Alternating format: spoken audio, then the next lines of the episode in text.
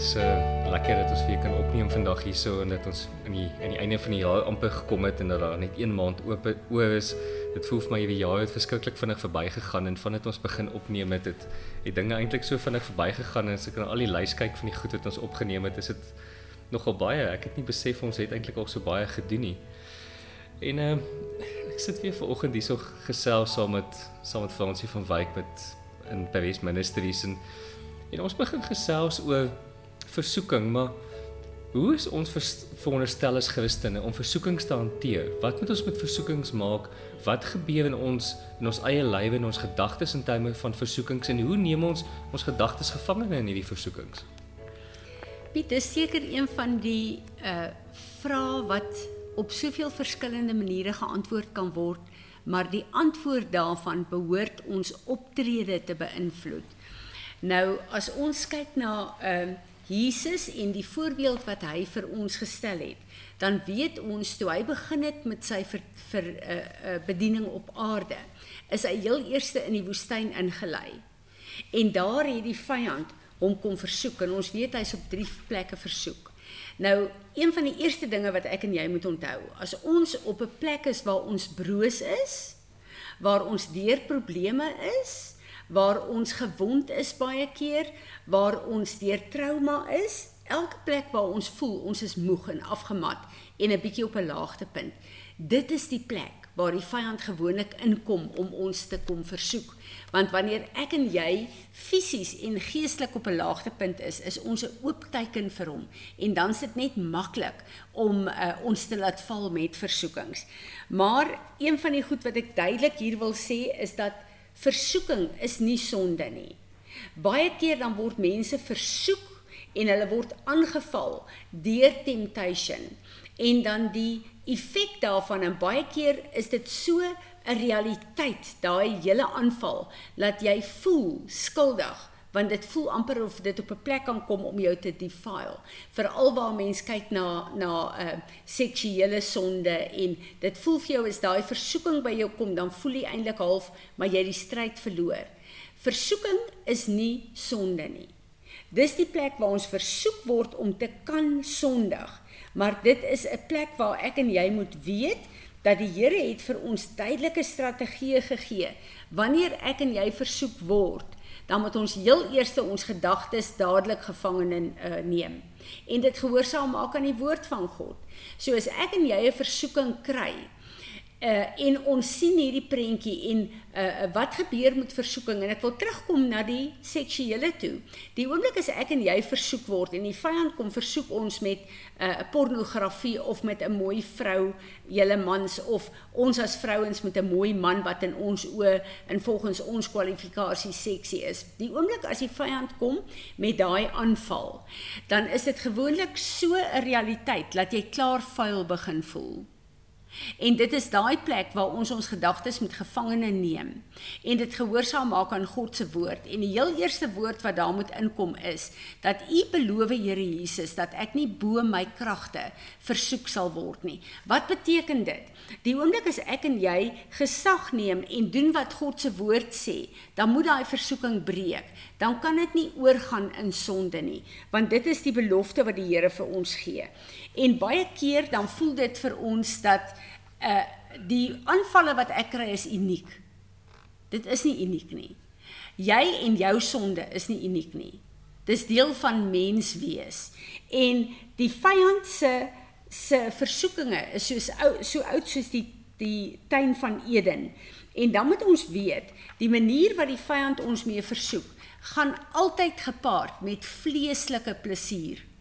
So die prentjie wat hy vir ons bring is die genot en die plesier wat ons gaan kry sou ons daai sonde doen. En dit is sy groot wortel wat hy voor ons neus hou. Ons moet weet dat net soos wat Jesus hierdie versoekinge kan weerstaan het, ek en jy ook presies alles gekry wat hy het deur sy bloed om elke versoeking uh, te weerstaan. Ons moet net besef dat wanneer ons uh, emosioneel swak is en wanneer ons deur moeilike tye is, dit is die tyd wat die vyand altyd sal kom om ons te kom versoek. So as jy bietjie 'n neerlaag het, uh, ek kom nou terug na seksuele sonde toe. Sê nou byvoorbeeld jy's getroud of jy's in 'n verhouding en jy en jou maat het 'n risie. Jy's op 'n laagtepunt. Dan kan die vyand maklik inkom met 'n versoeking. Wanneer ek en jy op 'n plek is waar ons 'n 'n 'n fisies deur siekte is, dan is ons op 'n plek waar ons nie heeltemal so alert in die gees is nie. Dis 'n maklike plek waar die vyand kan inkom wanneer ons fisies swak voel om ons te kom aanval. Daarom is dit verskriklik belangrik vir my en jou om te weet dat ons geestelik en emosioneel en fisies moet kyk dat ons gesond is en op 'n goeie plek is sodat ons nie in hierdie aanvalle kan kom nie. Ek wil vir ons lees 1 Korintiërs 10 vers 13. No temptation has overtaken you but such as is common to man.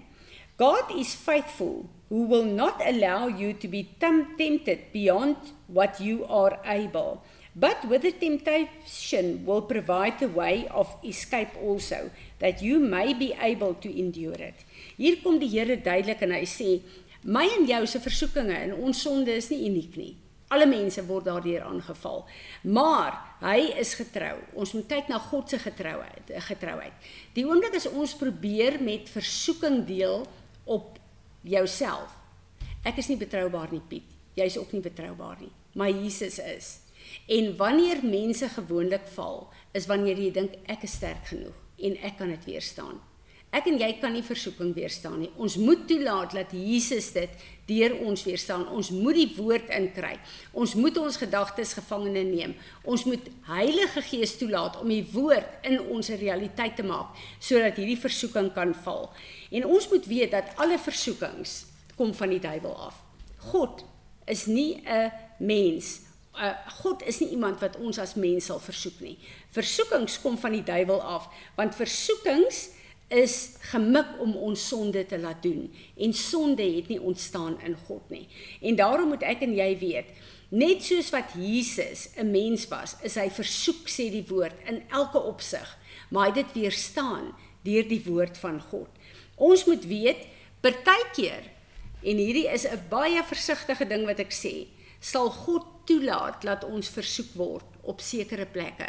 Partykeer oor en oor en oor want hy wil ons heilig en reinig op daai plekke in ons lewe en bloedlyn wat so lank aan die vyand behoort het. So as hy toelaat om die vyand toelaat om ons daar te versoek, is dit omdat hy homself in jou vertrou, want hy weet jy gaan hom vasgryp. En daai versoeking oor jou gaan breek en dit gaan nie oorgaan in sonde nie. So baie keer dan is dit 'n plek waar God ons wil sterk maak in 'n area. En dan sal hy die vyand toelaat om vir 'n seisoen ons 'n paar keer aan te val, want hy wil 'n deurbraak gee. Hy wil jou sterk hê op daai punt. En dit is vir my altyd een van die grootste, wonderlikste plekke wanneer ek kyk na versoeking, dan weet ek ek gaan nie val nie. Want God beloof my. As ek hom vasgryp, ek sal nie val nie. Ek gaan hierdie versoeking oor oorwin. Maar een van die plekke wat verskriklik lewensnoodsaaklik is met versoeking is om te bid. Moenie dink as jy versoek of in 'n area sukkel, jy kan sonder gebed, sonder om met God te praat en sonder om God in te bring, sy hulp in te bring, oorwinning kry hier nie. Dit werk net eenvoudig nie so nie.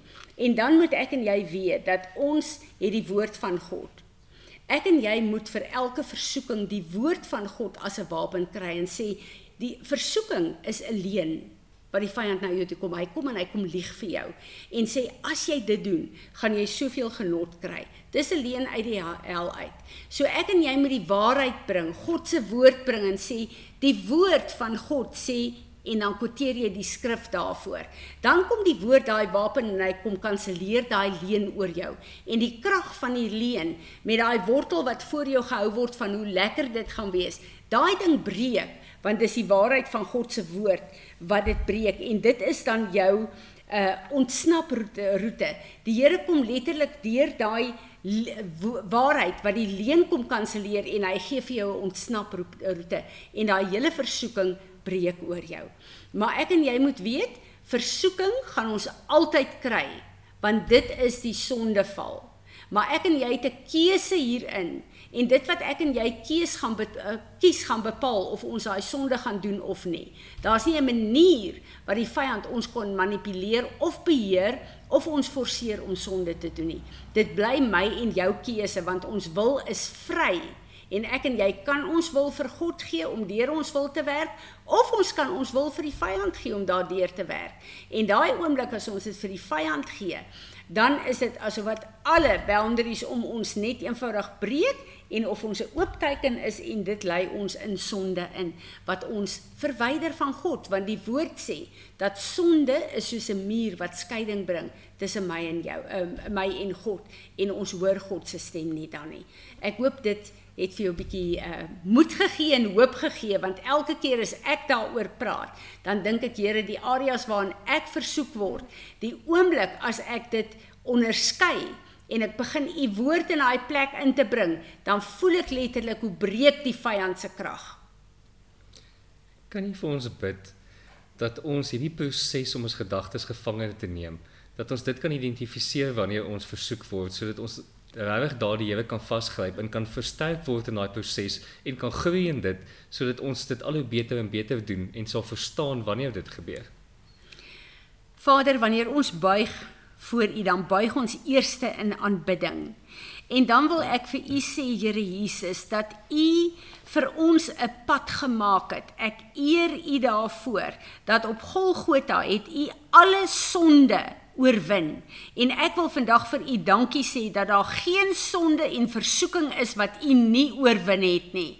En daarom wil ek bid Here dat u elkeen van ons sal help in die eerste plek om te verstaan wat versoeking is.